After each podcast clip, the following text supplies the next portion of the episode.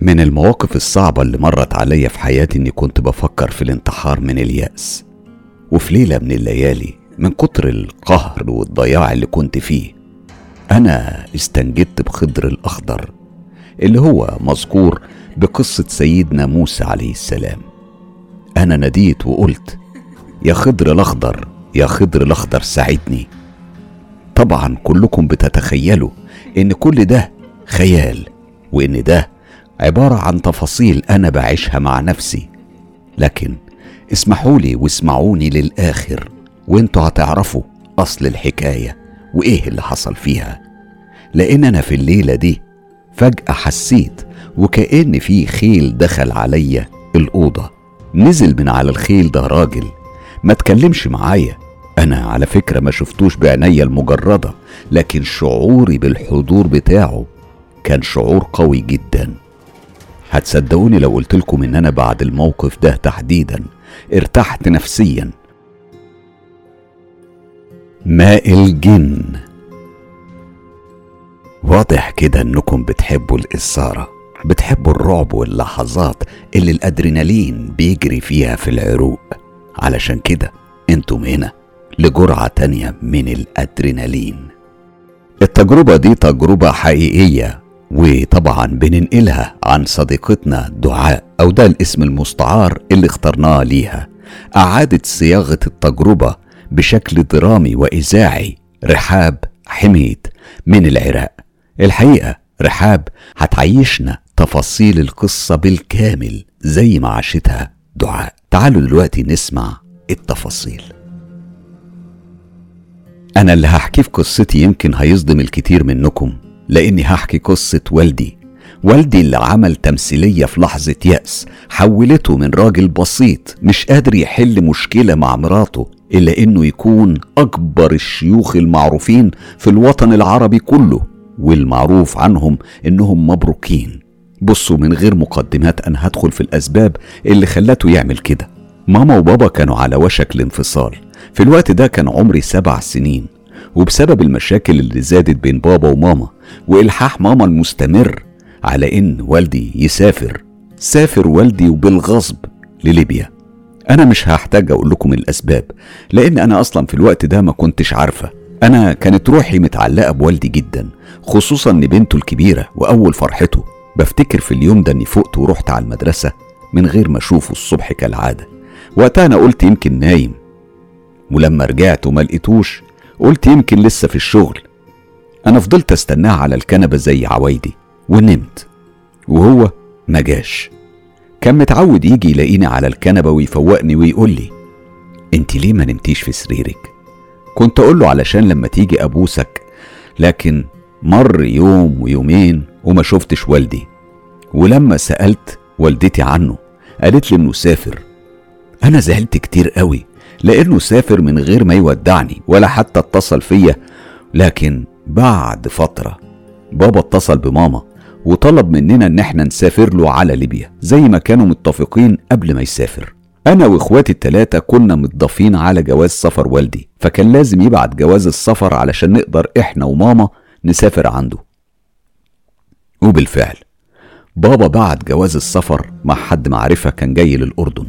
بس اللي حصل إن ماما من الأساس ما كانتش عايزة تسافر وفي نفس الوقت ما كانتش قادرة تسيبنا نسافر لوحدنا لأن دي روحها هي متعلقة فينا وهنا بدأت الرحلة لكن بشكل تاني خالص.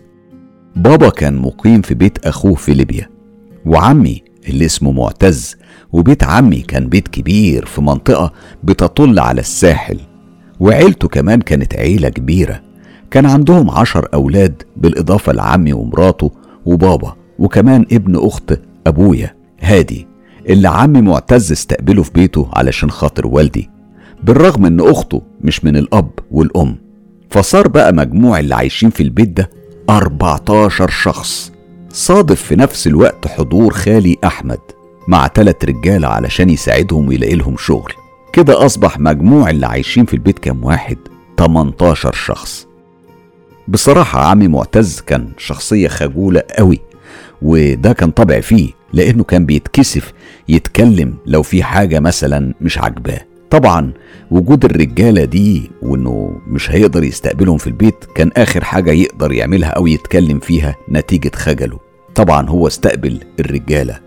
وفي أثناء السهرة قعد عمي معتز ووالدي بيفكروا في الضيوف وهيتصرفوا إزاي وهيخلوهم يناموا فين. عمي سرح كده هو بيبص على بابا ولحيته اللي كانت واصلة لنص صدره بسبب حالته النفسية الصعبة في الوقت ده. وطبعا دي كانت نتيجة بعده عني أنا وإخواتي بالإضافة للمشاكل اللي كانت بينه وبين والدتي. عمي بص على ملابس والدي اللي كانت متبهدلة. شكله كان كأنه شخص فاقد الأمل في الحياة. وهنا لمعت عينيه وابتسم فجأة وقال حسن! انت هتروح دلوقتي تحلق دانك الطويلة دي وتلبس أحلى ما عندك وعايزك تتعطر بأجمل عطر. بابا بص لعمي باستغراب وقال له يا عم إحنا في إيه دلوقتي ولا في إيه؟ وأنت عمال بتفكر في إيه؟ إحنا يعني دلوقتي خلينا نفكر في الرجالة الاغراب دول إزاي هنطلعهم من هنا؟ ضحك عمي وقال له ما هي دي الخطة يا حسن انت بس قوم بسرعة ظبط لنفسك كده وأنا هرسيك على كل التفاصيل. وقد كان تاني يوم الرجالة دول اتفاجئوا من شكل بابا اللي أصبح مختلف تماما عن الليلة اللي قبلها. أول واحد فيهم اللي كان اسمه إسماعيل ضحك وقال له إيه مبروك شكلك كأنك عريس. طبعا هم كانوا بيتريقوا عليه خصوصا بعد ما سمعوا ظروفه وقصته من عمي. حسن ابتسم وقال لهم الله يبارك فيكم والله كانت ليلة حلوة عقبالكم. الأربعة ضحكوا بما فيهم عمي وكأنه بيقول نكتة. حسن بص لهم بجدية. وقال امبارح كانت ليلة دخلتي على بنت شيخ قبيلة الجن الأحمر. طبعا هم قعدوا يتريقوا وحسن مهتمش وسابهم وقال لهم براحتكم. حسن ده يبقى والدي على فكرة. أنا بس بحاول أعيشكم التفاصيل علشان تبقوا مدركين كل الشخصيات اللي في التجربة بتاعتي.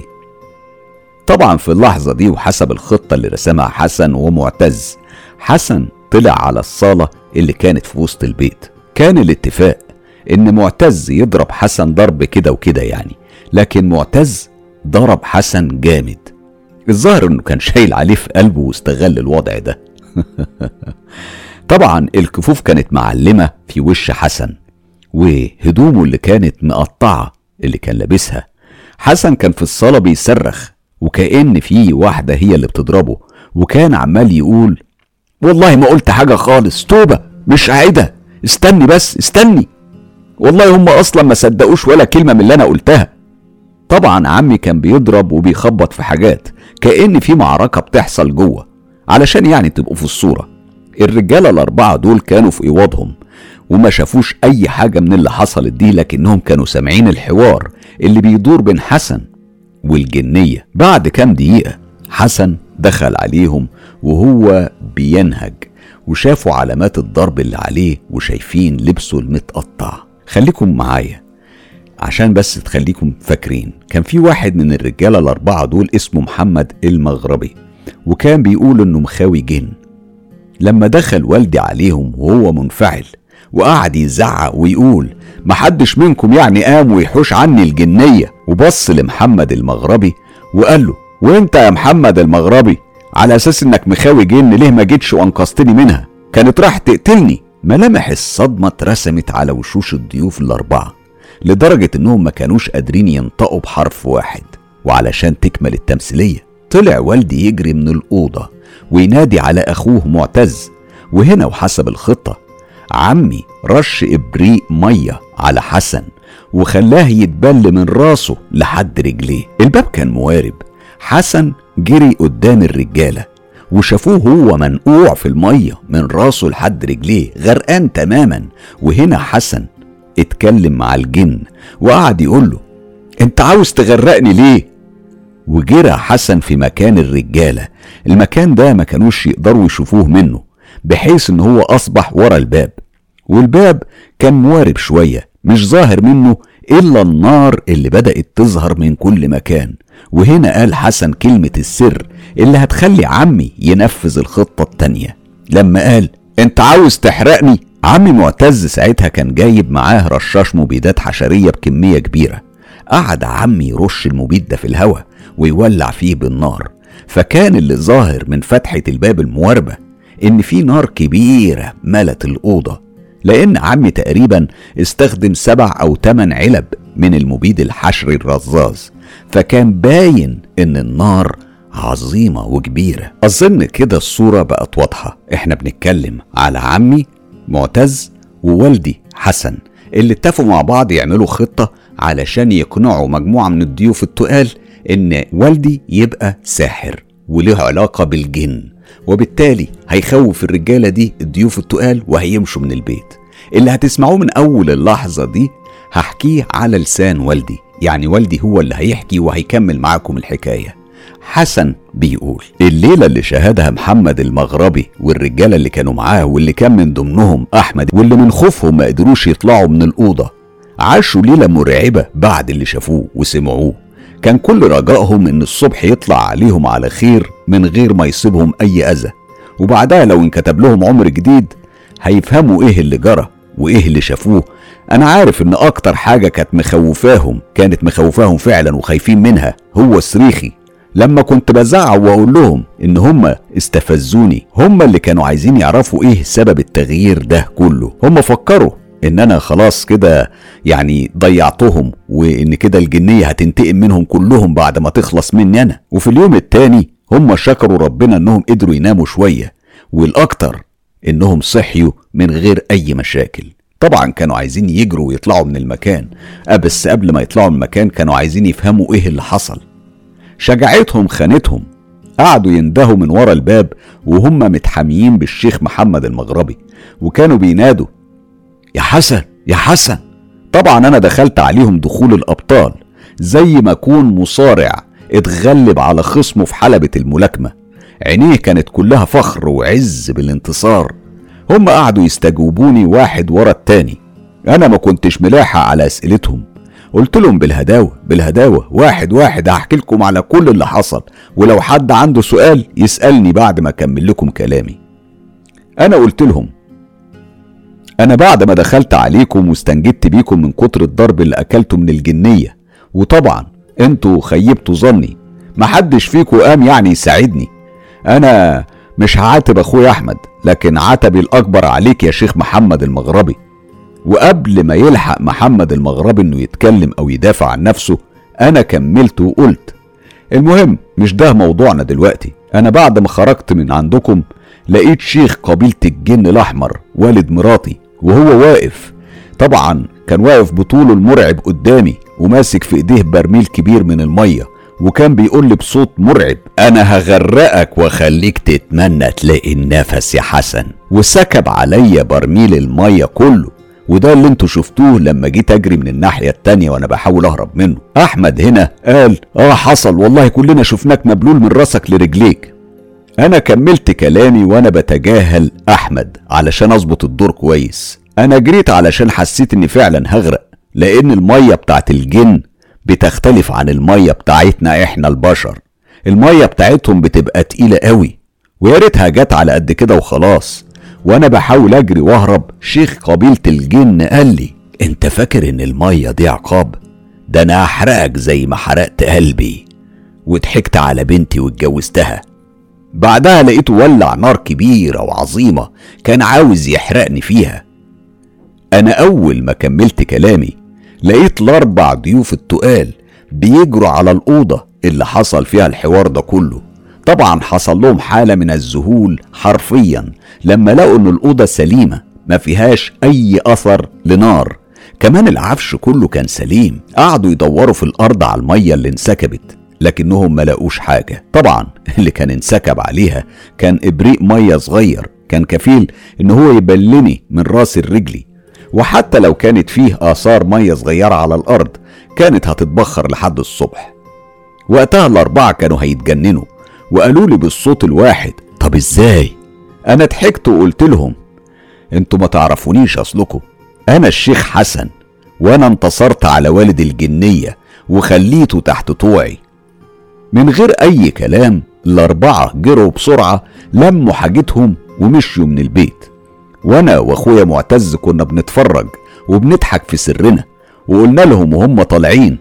طب يا جماعة ما يصحش كده على الأقل يعني اتغدوا قبل ما تمشوا يعني. لكن كلهم قالوا ولا غدا ولا عشاء وخدوا في بعضهم وجريوا. علشان نظبط الموضوع أكتر عملنا كام حركة كده على مدار ليالي. يعني كنا بنحرق نار بالمبيد الحشري أو نفجر العبوة بتاعت المبيد الحشري عن بعد ونعمل أصوات خبط وزعيق. لأننا عرفنا إن الأربعة المرعوبين دول هينشروا القصة بين الناس كلها فما حبيناش إن إحنا نطلع كذابين.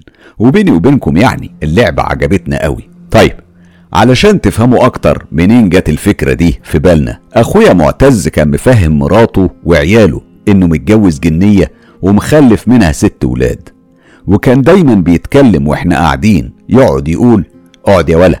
بس يا واد ولا. ولما أطفاله ومراته يسألوه أنت بتتكلم مع مين؟ يقول لهم بتكلم مع عيالي اللي من الجنية. كانوا بيقولوا له طيب خلينا نشوفهم. فكان يقول لهم إن ده مش مسموح ليهم. وبسبب إني كنت في وضع صعب بعيد عن أولادي ومراتي واللي كنت عامله في نفسي وشكلي خطرت الفكرة دي في بال أخويا وطبعا أنا نفذتها. بعد ما الناس والجيران سمعت كلام الأربعة اللي هربوا مرعوبين من البيت جم بنفسهم على البيت عندنا علشان يتأكدوا من الحكايات اللي سمعوها. طبعا كانوا بيتحججوا قال يعني جايين يزورونا. شافوا إن الوضع في النهار بيختلف تماما عن الوضع اللي بيشوفوه وبيسمعوه في فترة الليل. يعني بالليل بيسمعوا صوت انفجار وزعيق وخبط ونار كتيرة وغيره يعني. اللي حصل بعد كده كان مفاجأة ليا أنا ومعتز. لأن الطلبات بدأت تهل عليا من كل حتة خصوصا من الجنس اللطيف. زي ما بيقولوا يعني الغريق بيتعلق بقشاية وأول غريقة جات لي كانت جارتنا. طبعا مرات أخويا اللي هسميها نجاح كان لها دور كبير في السمعة الطيبة اللي حققها الشيخ حسن في البداية. هي كانت دايما بتعتذر من كل الستات اللي كانت بتيجي عايزة مساعدة الشيخ حسن. لأنها كانت عارفة إن اللي حصل ده مش أكتر من مسرحية هوليوودية تمت باحتراف. كنا أنا وأخويا معتز المؤلف والأبطال والمخرج اللي فيها. طبعا أكيد ما كانتش قادرة إنها تقول الحقيقة لأي حد. طبعا وفي يوم وبسبب إلحاح الجارة دي هي جابتها لي وجت. وهنا أنا لمعت في بالي فكرة. سألت نجاح عن الست دي وإيه اللي تعرفوا عنها؟ نجاح بحكم علاقتها الودودة مع كل الناس وطبيعتها الاجتماعية رستني على كل تفاصيل حياتها وإن جوزها كان عاوز يتجوز عليها واحدة تانية لآخره يعني من كل الحكايات اللي أنتوا عارفينها بتبقى ما بين الحريم يعني. بعد ما سمعت كل التفاصيل اللي كنت عاوزها قلت لنجاح دخليها عليا. أول ما الست دي دخلت عليا قلت لها اتفضلي يا سميرة يا بنت عواطف. هنا اتفاجئت سميرة إزاي أنا أعرف اسمها. مش بس كده ده أنا كمان أعرف اسم أمها. خصوصا إن إحنا كنا في منطقة مغلقة وعندهم أسماء الستات زي الأسرار الحربية. عمرها ما بتعلن على الملأ. وطبعا هي ما شكتش في نجاح ولو للحظة واحدة. أنا استرسلت في كلامي وقلت لها اسمعي يا سميرة أنا عارف إن جوزك عمار ناوي يتجوز عليكي. هو بالفعل يعني خطب بنت وهيتجوزها عن قريب. سميرة كانت بتسمع الكلام وهي فاتحة بقها وعينيها مذهولة من اللي هي سمعاه. كملت كلامي وقلت لها اسمعي يا سميرة أنا عاوز أسمع منك كل حاجة لكن إياكي إياكي والكذب لأن خدامي بيعرفوا الحقيقة ولو كذبتي في أي حاجة هيأذوكي أذى كبير وأنا مش هقدر أوقفهم. طبعا سميرة من خوفها. حكت لي كل حاجة تخصها وتخص بيتها جملة وتفصيلا. كان من بين التفاصيل اللي حكتها لي سميرة إن هي اللي ساعدت جوزها علشان يكبر في شغله وبالمقابل هي أهملت نفسها بشكل كبير. وكمان بسبب الضغط اللي عليها كانت يعني فظة في التعامل معاه ومع أولادها. هنا أنا طبعا كأي دجال شاطر استفدت من المعلومات دي. وبحكم خبرتي كراجل يعني بالحاجات اللي تبسط أي زوج من مراته قلت لها التالي اسمعيني يا سميرة أنا هساعدك يا بنتي بشرط إنك تنفذي حرفيا كل اللي هطلبه منك. أنا هبعت الجن بتوعي معاكي يرافقوكي علشان يتأكدوا إنك هتعملي كل حاجة بالحرف الواحد. لكن لو خالفتي أي حاجة الجن هيقول لي ووقتها أنا هشيل إيديا منك ومش هساعدك تاني أبدا. ردت عليا سميرة. وأنا خدمتك يا شيخ حسن. هعمل كل اللي تقولي عليه بس تحافظ لي على جوازي. أنا رديت عليها وقلت لها لا استغفر الله استغفر الله. خدمت إيه؟ أنت هتكوني خدامة لجوزك. سميرة استغربت وقالت لي خدامة لجوزي؟ إزاي؟ أنا قلت لها أنا هقولك أنت هتعاملي جوزك وكأنه ملك. وانت جارية خدامة عنده. شغلك الشاغل هيكون إسعاده مش هتناقشيه في أي حاجة. ولازم تكوني في أجمل صورة ولازم تحطي أطيب العطور وتلبسي أحلى حاجة. وكمان البيت لازم يكون نضيف جدا علشان خدامي مش هيرتاحوا. لو كان البيت وسخ أو متبهدل. ولازم معاملة الأولاد لأبوهم تكون في غاية الاحترام. والحل ده لازم يصدر يستمر لمدة أسبوع وبعد الأسبوع هتجيني تاني.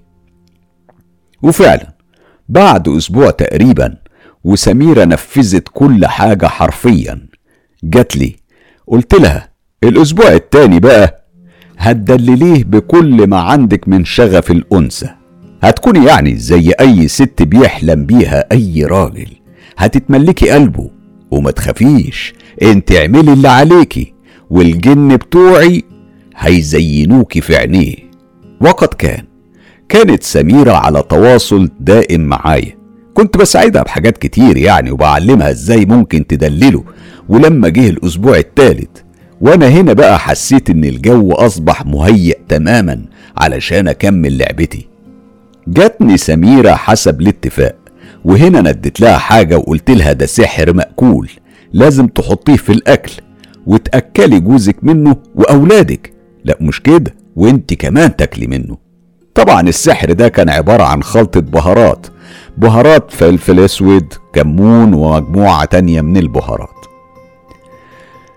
وهي عملت كل ده بالفعل وبعد فترة قصيرة لقيتها جات لي هي وجوزها. جوزها أول ما شافني قال لي يا شيخ حسن الله يجازيك كل خير ده أنا كنت هخرب بيتي وأنت أنقذت البيت من الخراب. انت اطلب واتمنى. هو كان جايب خروف كبير معاه عربون محبة وعرض علي مبلغ كبير من المال. أنا طبعا رفضت الفلوس وقلت إن عملي خالص لوجه الله سبحانه وتعالى. وقبلت الخروف يعني هدية لأن يعني ما بردش الهدية اللي تجيني يعني. طبعا آه، أنا طلبت دخان. وهم جابوا لي على طول دخان. خليني الأول قبل ما أكمل لكم الحكاية نرجع لورا شوية. هحكي لهم هحكي لكم على حتة كده مهمة. في الفترة اللي أنا كنت فيها يائس من المواقف الصعبة اللي مرت عليا كنت بمر بمرحلة اكتئاب حادة. وزي ما قلت لكم كنت بفكر في الانتحار. وفي ليلة من الليالي من كتر القهر اللي أنا كنت فيه أنا استنجدت بخضر الأخضر.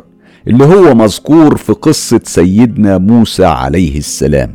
أنا ناديت وقلت يا خضر الأخضر يا خضر الأخضر ساعدني. حسيت كأن في خيل دخل عليا الأوضة ونزل من الخيل راجل.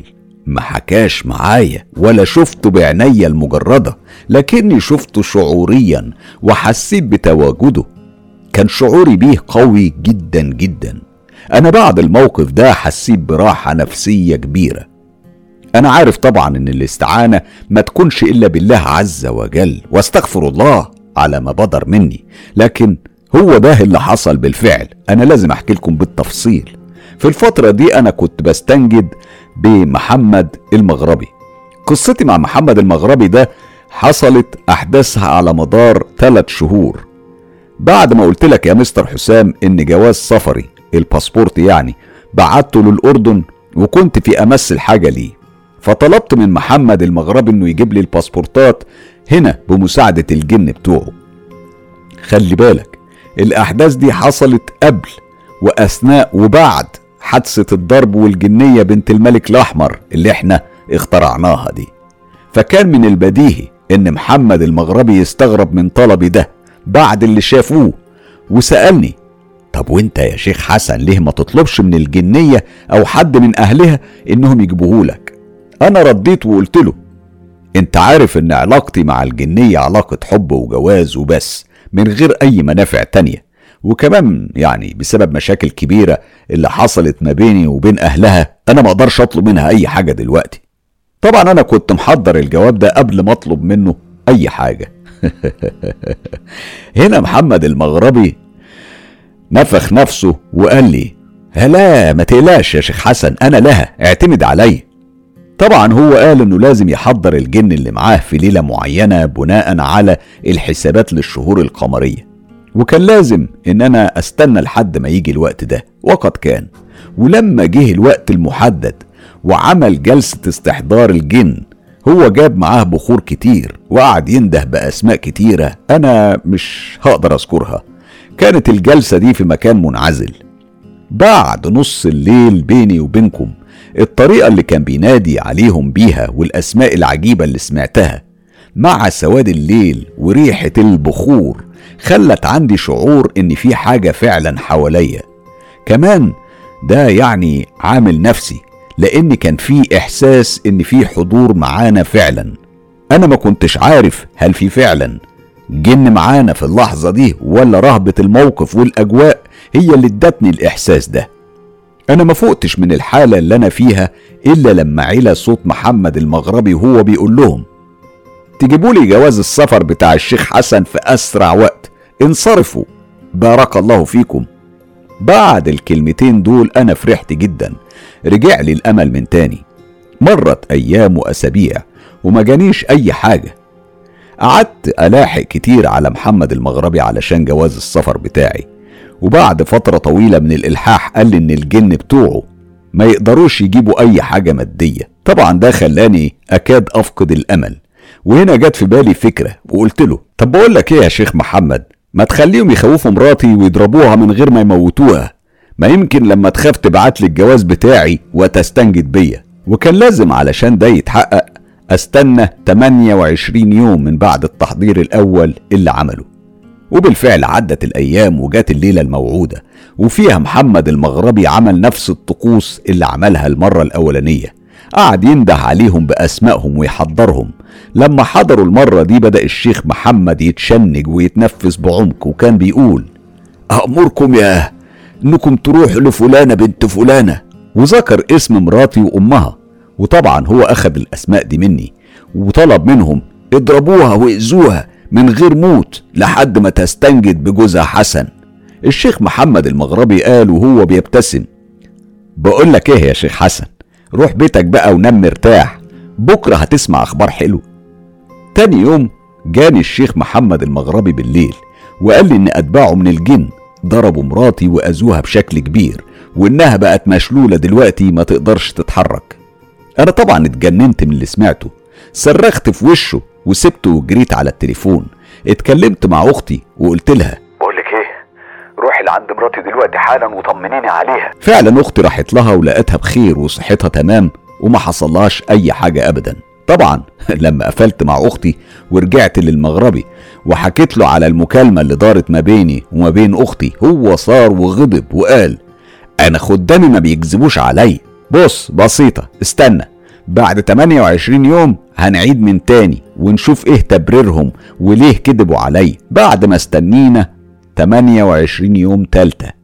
حضر الخدام وبنفس الطقوس طلب منهم محمد المغربي انهم يأذوا فلانة ويضربوها للمرة التانية. ومر يوم والتاني واللي بعده لحد ما عدى أكتر من أسبوع. كنت كل شوية أسأله إيه اللي حصل. وليه ما جاتنيش أي أخبار من مراتي؟ من كتر ما فضلت أزن على راسه وزن طول الفترة دي هو كان زهق مني. كان بيتهرب مني ويقول لي إنه مشغول مع ناس تانية وبيساعدهم في حل مشاكلهم.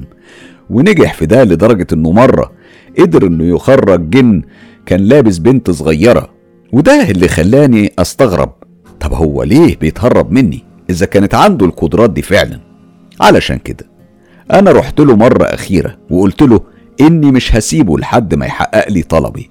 فضلت أزن عليه لحد ما طلع عن طبعه وقال لي بالحرف الواحد يا عم أنا كذاب أنا يا عم كذاب ما عنديش خدم ولا جن ولا أي هباب أنا اتسمرت مكاني وقلت طب طب والناس اللي أنت ساعدتهم والجن اللي طلعته من البنت أنت عملت كده إزاي؟ يا عم دي شطارة مجرد شطارة يا شيخ حسن الحظ لعب معايا وأي حاجة ما أقدرش عليها كنت بخترع 100 عذر عشان أتملص من غير ما حد يدمر سمعتي. خليني أقول لك يا مستر حسام إن محمد المغربي ده كان مقتنع 100% إني متجوز جنية وإن كل اللي شافه في الليلة إياها حقيقي علشان كده هو اعترف لي إنه مجرد نصاب لأنه خايف إن الجنية اللي معايا هتكشفه عاجلا أم آجلا.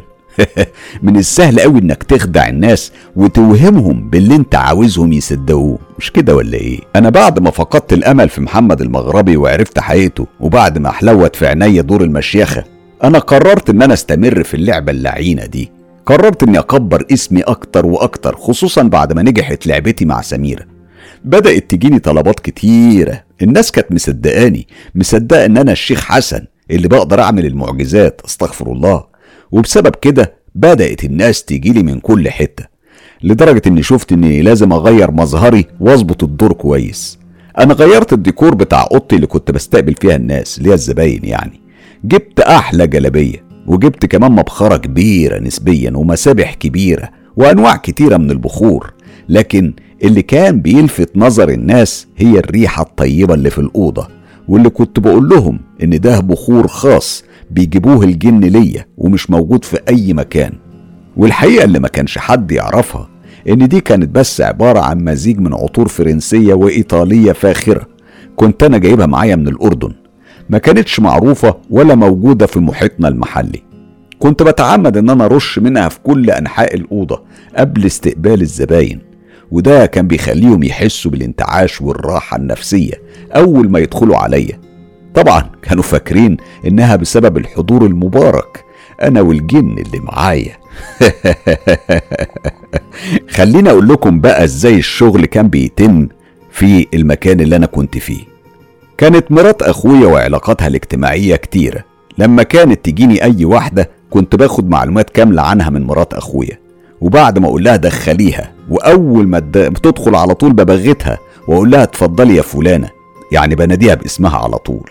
قبل ما تحكي هي أي حاجة أقوم أنا حكي لها على حاجات أعرفها عنها علشان تطمن لي. بعدها بقول لها سمي حاجتك اللي أنت جاية فيها. الشيخ حسن ما كانش بيحل المشاكل وبس لا. ده كان سفير الحب برضه. أيوه ما تستغربوش. هتفهموا قصدي لما تسمعوا الحكاية دي. في يوم جات لي بنت كانت سيئة المظهر مبهدلة يعني من البنات اللي ما كانوش بيهتموا بمظهرهم العام. البنت دي جت في طلب حبيب. إيه يعني كانت واقعة في غرام واحد والواحد ده ولا مهتم فيها ولا بصلها في يوم من الأيام. أنا قلت لها خلاص اديني كام يوم وهاتيلي صورة الواد ده وأي أثر منه. واكتبي لي هنا اسمه واسم أمه. طبعا أنا عرفت الشاب ده كونه من الجيران. فطلبت مساعدة واحد من أبناء أخويا. قلت له إنه يروح يتصاحب مع الشخص ده. وكان الموضوع سهل زي شرب المية لأن الشاب ده كان بيدخن والسجاير كانت هنا قليلة ومحدودة. فكان اللي عليه إنه يعزم عليه بسجارة وقد كان. خلال الوقت ده كنت بعت للبنت إنها تيجي عندي. طلبت منها إنها في يوم محدد تغير شكلها ومظهرها واديت لها حجاب وقلت لها الأول خليني أحكي لك يا مستر إزاي بصنع الحجاب. أنا بصراحة ما كنتش أعرف ما كنتش أعرف أكتب كويس بشكل كامل يعني كنت بستبدل الحروف الهجائية بالأرقام وكان كل حرف له رقم مقابل. طبعا كنت شاطر قوي لما كنت أقرأ الأرقام دي وكأنها جمل من كتاب كنت كأني يعني حافظه. وعلشان أحبك الحجاب كان لازم أرسم طلاسم وكان لازم أرسم نجمة داوود المعروفة. وطبعا الحاجات بقى الخرابيش والحاجات اللي أنا اللي بتبقى يعني كأنها رموز يعني كأنها حاجات ضرورية كلها للحجاب. كنت بتنيه وأطويه على شكل مثلث صغير وألفه بشريط لاصق وأديه للزباين.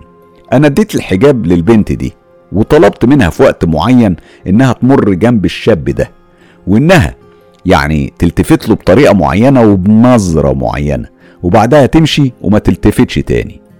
في الوقت ده اللي هي مرت فيه من قدام الشاب كان ابن أخويا واقف جنب الشاب وطبعا كل ده كان بتدبير مني في الوقت المحدد ده. ولما البنت بقت قريبة منهم هي بصت للشاب وبعدها ابن أخويا رماله الطعم وقال له بص بص البت تبص عليك إزاي؟ الشاب استغرب وقال له لا مش ممكن البت الحلوة دي تبص لي أنا؟ ليه؟ هنا ابن أخويا قال له صدقني البت دي كانت بتبص لك يا عم يا بختك ماشية معاك الحلوة تبص لك باين عليها إنها معجبة بيك.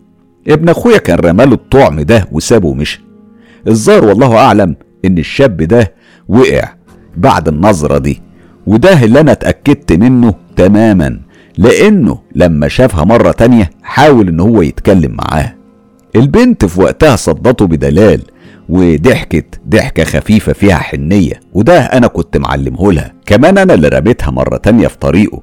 ما قدرش صاحبنا ده إن هو يصبر وتقدم علشان يخطبها وتم الجواز. وطبعا بعد جوازها من حبيب القلب هي جات لي وجابت معاها هدايا والدخان زي ما أنتوا عارفين يعني لاني ما بقبلش فلوس. أنا استمريت لفترة طويلة في الدجل ده.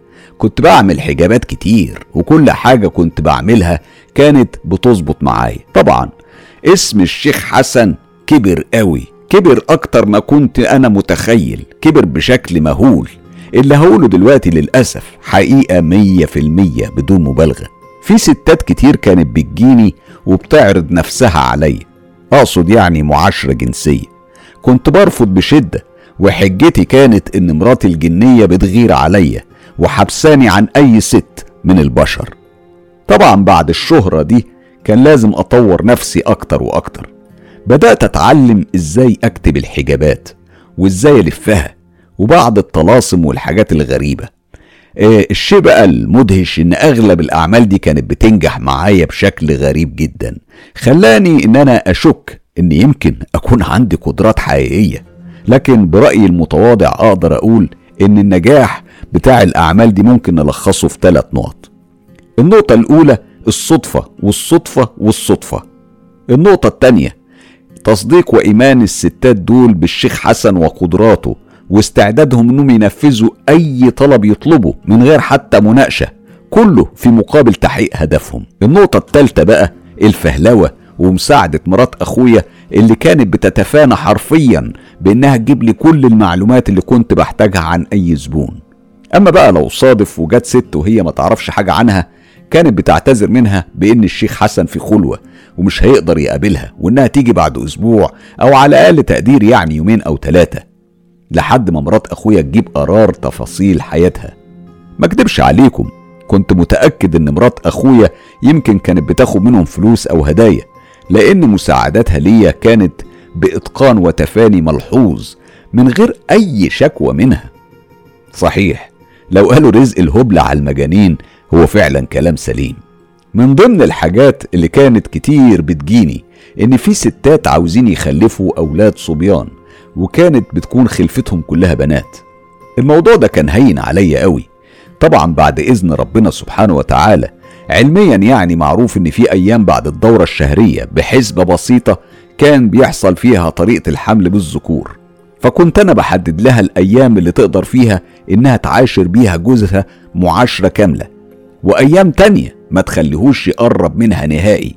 وعند حصول تلقيح البويضة في الأيام دي هيكون المولود صبي بإذن الله. أنا هنا طبعا كنت بديلها حجاب وأقول لها الأيام الممنوع إنها تعاشر جوزها فيها. كانت حجتي يعني إن الجن في الأيام دي بيجهزوا الرحم من أجل الحصول على الذكر. ولو خلفتي وعاشرتي جوزك في الأيام الممنوعة الجن هيأذوكي وهيأذوا جوزك ومش هتحملي بعدها نهائي. شرير أنا مش كده؟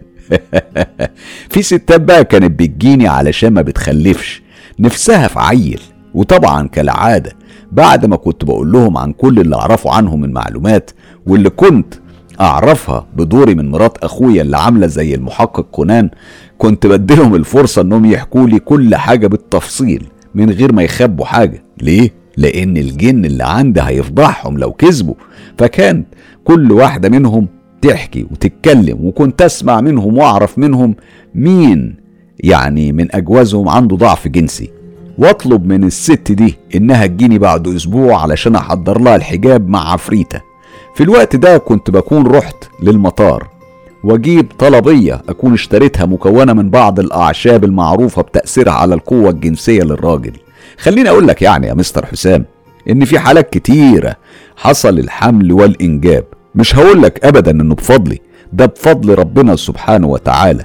أنا ما كانش ليا اي علاقة بالموضوع.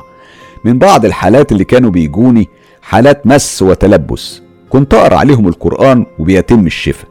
كان في حالات مرض نفسي أو توهم. كنت أقعد معاهم وأسمع منهم. لقيت إن في بنات كتير متوهمات باللبس أو المس من أجل الحصول على الاهتمام على الأقل يعني من أهلهم.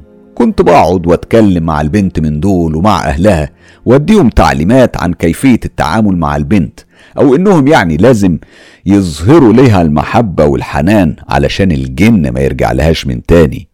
طبعا كان لازم أعمل لهم الحجاب للحماية برضه وإن كنت على يقين إنه مفيش ولا جن ولا تلبس. أنا يعني كنت زي أي دجال بديهم الحجاب التمام وبعض التعليمات لاتباعها. بص بقى يا مستر حسام أنا سيرتي وصلت بين الناس للإيمان الكامل بيا وبقدراتي استغفر الله العظيم. نسوان كتير كانت بتجيني عندهم الاستعداد النفسي الكامل بإن اللي هم عايزينه هيتم على إيديا. لدرجة إن مرات أخويا اللي عارفة إن كل ده مجرد لعبة وهمية وهي كمان كانت طرف أساسي فيها. تخيل صدقتني زيهم. دي بدأت تثق في قدراتي بإني أقدر أصنع المعجزات. زي ما بيقولوا يعني كذب الكذبة وصدقها. الأدهى من كده إن كل الحالات اللي كانت بتجيني دي كنت بحل لهم كل مشاكلهم ولبي كل طلباتهم بشكل ملهوش أي تفسير عندي. من الأمور اللي اكتسبتها كمان ودرست عنها كتير كانت قرايتي للفنجان. أنا كنت بقرأ الفنجان كأني بقرأ مخطط كامل للإنسان اللي قاعد قدامي. أنا هذكر لك موقف من المواقف دي. في يوم لما كنت في ليبيا طلب مني ابن أخويا اللي كان خاطب وبيجهز أوراقه للسفر للأردن هو ومراته وكان كل اللي منتظرينه هو اكتمال الأوراق. الملف بتاعه كان فعلا مع أخويا اللي كان بيعمل على إتمام المعاملات والتجهيز للسفر. أنا قريت له الفنجان وقلت له وأنا مصدوم اسمعني يا عمر أنت مش هتسافر نهائيا لأن الطريقة اللي أنا شايفها في الفنجان شايف إن الطريق مسدود. عمر ضحك وقال لي أنت إيه اللي بتقول ده يا شيخ حسن؟ ده الأوراق كلها عند عمي هو بيكملها في السفارة. وتقريبا يعني كل حاجة جاهزة. هو بكرة راجع بإذن الله وهيجيبها معاه. أنا بصيت في عينيه بنظرة تحدي لكن فيها نوع من الأسف وقلت وأنا مصمم أنا قلت لك مفيش سفر يا عمر. وبالفعل أخويا ضيع كل أوراق معاملته. ما قدرش عمر إنه يسافر لا هو ولا مراته ودي كانت أكبر مصيبة تحصل لمغترب هنا. طبعا يعني ده كان من المواقف اللي كان لازم أحكيها لك.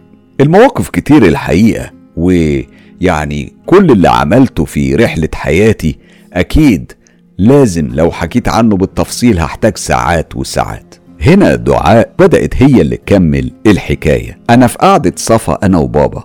سألته كام سؤال. كان أهمهم هو أنت يا بابا بتمارس السحر فعلا؟ كان رد والدي الصادم لما قال لي والله يا بنتي أنا مش عارف على قد ما ظبطت معايا الأمور أنا نفسي كنت بدأت أصدق حالي. أنا بلشت إني بدأت أشتغل على نفسي علشان الأمور تظبط معايا أكتر لحد ما بقيت زي اللي كذب كذبة وصدقها. مش أنا بس ده أنا وكل اللي كانوا بيساعدوني كمان. أنا من وجهة نظري المتواضعة بقول إن الأمور دي كانت بتجري أو بتحصل بالإيحاء للنسوان دي.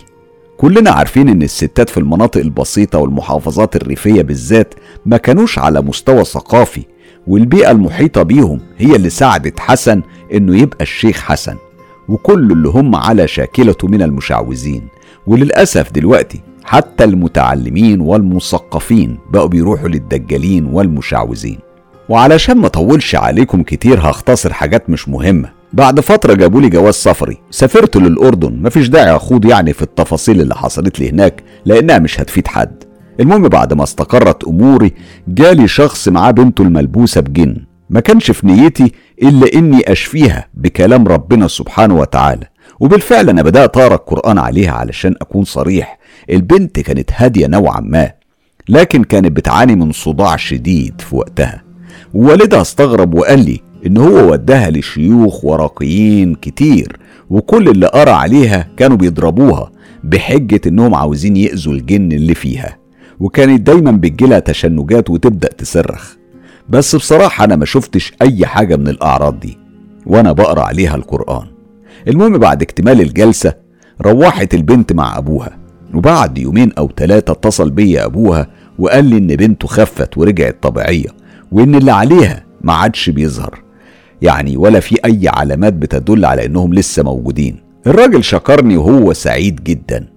بيني وبينك يا مستر حسام كان المفروض إني أتعظ من الموقف ده اللي بيأكد لي إن مفيش حل لأي حاجة غير الرجوع لربنا سبحانه وتعالى. لكن للأسف الجبروت البشري أو الطبيعة البشرية طغت أكتر. أنا قررت إني أمارس الشعوذة بس على أصولها وباحترافية كمان. مش زي الدجال اللي كنت بمارسه في ليبيا لا واللي كان بيتم بمساعدة أعواني من الناس اللي كانوا بينقلوا لي الأخبار. لأني هنا في الأردن ما عنديش مساعدين. وده كان السبب إني قمت إن أنا قمت بشراء كتاب اسمه البداية والنهاية. الكتاب ده غير كتاب ابن كثير ده كتاب تاني خالص. هو كتاب خاص لتعليم السحر. وبالفعل أنا قريت الكتاب. كنت بنفذ كل اللي مكتوب فيه حرفيا. اتعلمت منه أمور كتيرة منها الربط والجلب والتفريق بين الزوجين. الأخيرة دي كانت أسهل واحدة عليا. ولا زلت لحد دلوقتي أعرف الأمور دي. كان كل حجاب بعمله بيتم عمله بسرعة وزي ما أنا عايز. هحكي لك بقى عن موقف جانبي. الموقف ده حصل لي خلال انخراطي في الأمور دي. أنا اتعرفت على بعض الناس اللي كانوا بيعملوا بالأحجبة والأعمال للكشف عن الذهب. قررنا إن إحنا نروح لمكان دلونا عليه في الأردن علشان استخراج الذهب. في الوقت ده كنا إحنا أربع أشخاص أنا وتلاتة تانيين. واحد منهم كان عنده خدام قويين جدا. بدأ بالتحضير وقراءة أشياء بصراحة ما كنتش عارف إيه هي بالظبط بس هي كانت مهمة لصرف الرصد عن مكان الذهب. وفجأة وبدون مقدمات الراجل ده اتشال واترمى لمسافة 3 أو 4 متر.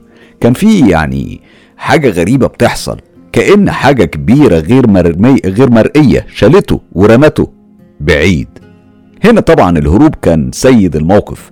بعد ما كنا شادين إيدين بعض علشان نشد من أزرنا ونقوي بعض هربنا وجرينا زي العيال الصغيرة من غير حتى ما نلتفت لورا ونشوف إيه اللي حصل للراجل ده. بعد ممارسات لبعض الأعمال السحرية في الأردن أنا قررت ان لازم يكون لي خادم من الجن. وفعلا أنا بدأت أقرأ المطلوب مني وكان لازم أحضر بعض أنواع البخور وأغراض أخرى مش هذكرها. ولما وصلت لمرحلة الخلوة بمكان معزول بحيث إني ما أسمعش فيه ولا أشوف فيه أي حد واستمريت بالقراءة لحد ما وصلت للأمور اللي لازم أعملها في الخلوة عشان يحضر عندي الجن ويكون خادم ليا. الأمور دي للأسف كانت حرفيا هي الشرك بالله عز وجل وارتكاب المحرمات وأشياء تانية منها النجاسة على كتاب الله استغفر الله العظيم. وهنا كبر الموضوع في نفسي. وصحيت على روحي وبدأ ضميري يكلمني. وقلت لنفسي يا حسن أنت بتعمل إيه يا حسن؟ عايز تشرك بالله وتنجس كتاب الله له ألف لا. لا إله إلا الله أستغفر الله العظيم أستغفر الله العظيم. وهنا كانت اللحظة اللي قررت إن أنا أتوقف عن كل حاجة كنت بعملها. لأني كان مستحيل أخسر آخرتي. أنا مستحيل أشرك بالله أحد. واللي بدأ معايا بلعبة ونصب وضحك على عقول الناس. ما كنتش بأذي فيه حد آه حتى الأحجبة اللي كنت بديها للناس كانت شخابيط ومش بدي لنفسي أعذار لأن اللي حصل حصل. هو كان غلط من البداية لكن مشيئة الله سبحانه وتعالى قد سبقت. وهنا قبل ما أكمل لكم حابب أوضح حاجة يمكن الناس مش هتديني العذر فيها. بس ده كان علشان الناس تفهم أنا إيه اللي مريت بيه. أنا لما سافرت من الأردن لليبيا غصب عني وأنا في الوقت ده كنت المصور الشخصي المحترف بفترة من الفترات للرئيس الفلسطيني ياسر عرفات الله يرحمه. لما وصلت لليبيا استلمت الشغل في مكان كتير مرموق وبعد ما بعت جواز سفري للأردن علشان ولادي يسافروا ومراتي احتفظت بالباسبورات عندها أنا فضلت مغترب في البلد دي. ما كانش عندي أي أوراق ثبوتية. وكان لازم أجدد الإقامة بتاعتي كل شهر وده خلاهم يرفضوني.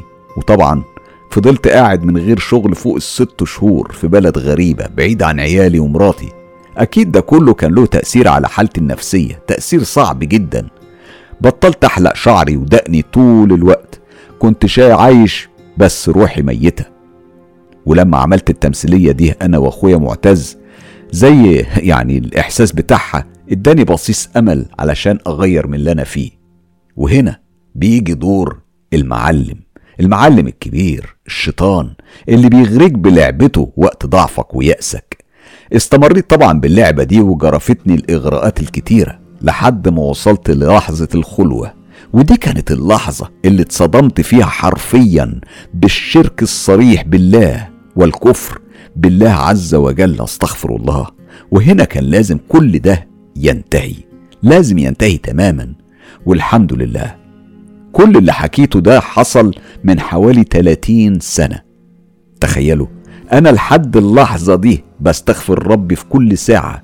وكل رسالتي لكل اللي بيسمعونا النهارده. كل اللي بيروحوا للناس دي اللي هم أمثال مشايخ ومشعوذين كفرة. احذروا يا ناس. احذروا يا أولاد آدم. أي حاجة هتطلبوها من الناس دي حتى لو حصلت كلها من الدجل والشعوذة. أنتوا بتروحوا لواحد كافر نصاب علشان تحققوا رغباتكم. وده دليل على قوله سبحانه وتعالى ويمدهم في طغيانهم يعمهون وده علشان تصدقوهم أكتر وتنجرفوا في طريق الضلالة. ربنا هو اللي بيميز الخبيث من الطيب. إزاي تصدقوا؟ باللي كفر بالله وزنى بالمحارم ونجس كتاب الله وقتل نفس بريئة بغير حق. انت لو شفت حد بيسب بيسب وبيشتم ربنا هل هتحب انك تتكلم معاه وتكون معاه في نفس الطريق؟ مستحيل. أكيد الجواب هيكون لأ. فما بالك باللي عمل أفظع الفواحش وأكبرها؟ مفيش غير طريق ربنا سبحانه وتعالى هو المنقذ الوحيد والحل لكل مشاكلكم. أنا بصراحة خليت بنتي نشرت قصتي بكل صراحة علشان هدفي الوحيد إن الناس تعرف وتتأكد إيه اللي بيحصل في غرف الدجل والشعوذة المظلمة أنا أخوكم التائب حسن واللي عمري عمري في حياتي ما كنت ساحر بحق وحقيقي ولا لي علاقة بالجن ولا في أي حاجة من الحاجات دي الموضوع بالنسبة لي كان نصب بحت فاهمين؟ وده اللي بيستناكم عند السحرة والدجالين وأمثال المشايخ. نصابين. بشكركم وأتمنى رسالتي تكون وصلت لكم. بشكر دعاء وبشكر والدها حسن اللي بعد 30 سنة لسه بيحكي تفاصيل اللي عاشه وصنعه بإيديه. أكيد هنا على قناة مستر كايرو. إحنا دايما شعارنا واحد. اللجوء يكون للخالق سبحانه وتعالى. اللي يقول يقول بقى واللي مقتنع بفكر تاني يقتنع بيه. لكن إحنا رسالتنا واحدة. خلينا مع ربنا سبحانه وتعالى وحده لا شريك له. ما نشركش بيه حد. واللي عايز يلجأ يلجأ للخالق سبحانه وتعالى. حسن الحقيقة الشيطان لما هو بيحكي على تفاصيل قصته تلاحظوا إن في لحظات كان بيقول أنا مش عارف الحاجات دي بتمشي معايا إزاي أو بتتحل معايا إزاي. هنا دور الشيطان فرصته الذهبية إنه يوفر ويهيئ الأجواء لصنع الدجال. وهنا اللحظة الفارقة اللي لولا إن حسن فاق فيها كان أصبح فعلا واحد من أكبر الدجالين في العالم العربي. بشكرك كتير يا حسن. وطبعا دي كلها أسماء مستعارة حسن ودعاء. لكن الأسماء الحقيقية مش هنزعها كالعادة. أنا استمتعت بكل التفاصيل اللي سمعتها لأني مقتنع بكل حرف جه في القصة. وعلشان كده بقول لكم حذاري من الصحراء حذاري من الصحراء. ويمكن ده السبب إن بكرة آه إن يوم سوري يوم الاربع هنسمع مع بعض حكاية دجال وساحر تائب.